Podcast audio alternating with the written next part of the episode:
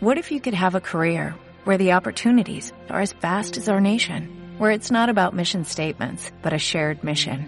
At U.S. Customs and Border Protection, we go beyond to protect more than borders, from ship to shore, air to ground, cities to local communities. CBP agents and officers are keeping people safe.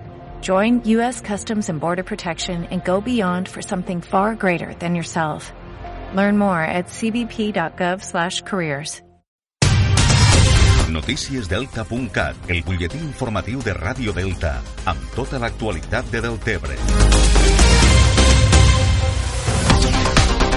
La Diputació de Tarragona obrirà al mes de març una línia d'ajuts per pal·liar els danys ocasionats als municipis del Taix pel temporal Glòria.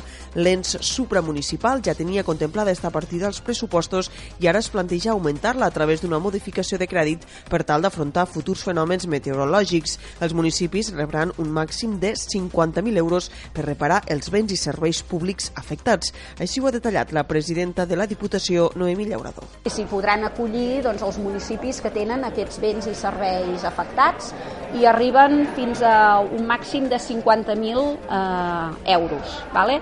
Tota la partida és de 2 milions d'euros, la vam apujar en relació als pressupostos de, de l'any passat i a més a més també estem rumiant la possibilitat que mitjançant alguna modificació de crèdit igual ens veiem obligats augmentar aquesta partida perquè només estem al mes de gener, queda doncs, eh, tota la resta de l'any i possiblement eh, ens trobarem en situacions similars i això serà realment insuficient. En el ple del passat divendres, la Diputació de Tarragona va aprovar una declaració institucional en suport als damnificats per la borrasca Glòria. Les entitats ambientalistes del Delta de l'Ebre estan preocupades per la supervivència de les poblacions de nacres a les badies del Delta després del temporal Glòria que ha causat, entre altres estralls, el trencament de la barra del trabucador.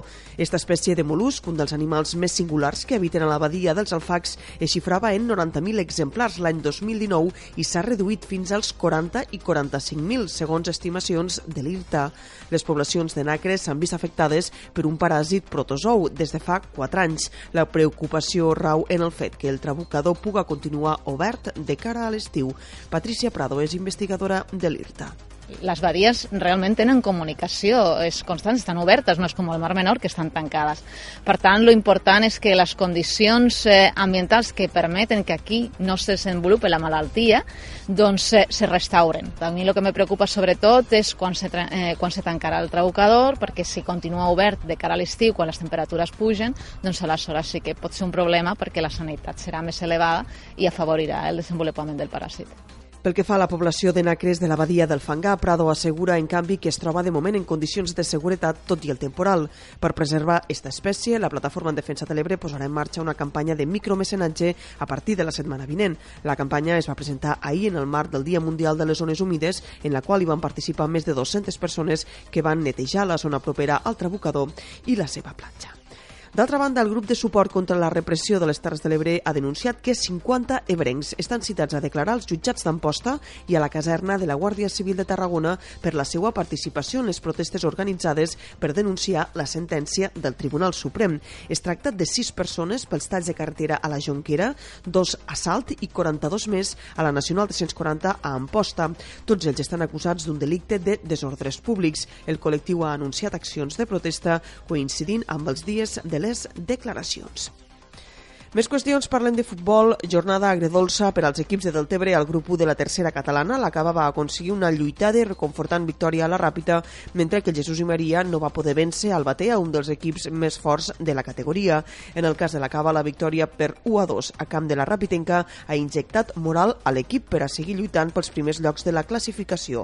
Juanjo Prats és el director tècnic de la Cava. I aconsegueix una victòria merescuda, una victòria que li donen molta, bon, molta energia de cara a afrontar els propers partits i a veure si es pot encadenar aquella ratxa de victòries de cinc consecutives i que la jornada 6, quan vingui el Remolins Vitem, doncs d'alguna manera l'equip ja estigui més confeccionat i poguessin donar guerra als de dalt. Amb la victòria a la Ràpida, l'Acaba s'ha situat quina a la classificació amb 33 punts. Pel que fa al Jesús i Maria, no va poder superar el Batea, que després de tres jornades sense guanyar necessitava la victòria per no despenjar-se del líder Remolins Vitem. Amb la derrota per 3 a 1, el Jesús i Maria ha caigut fins al vuitè lloc de la classificació. classificació. Això és tot per ara. Més notícies, com sempre, al portal deltacat.cat.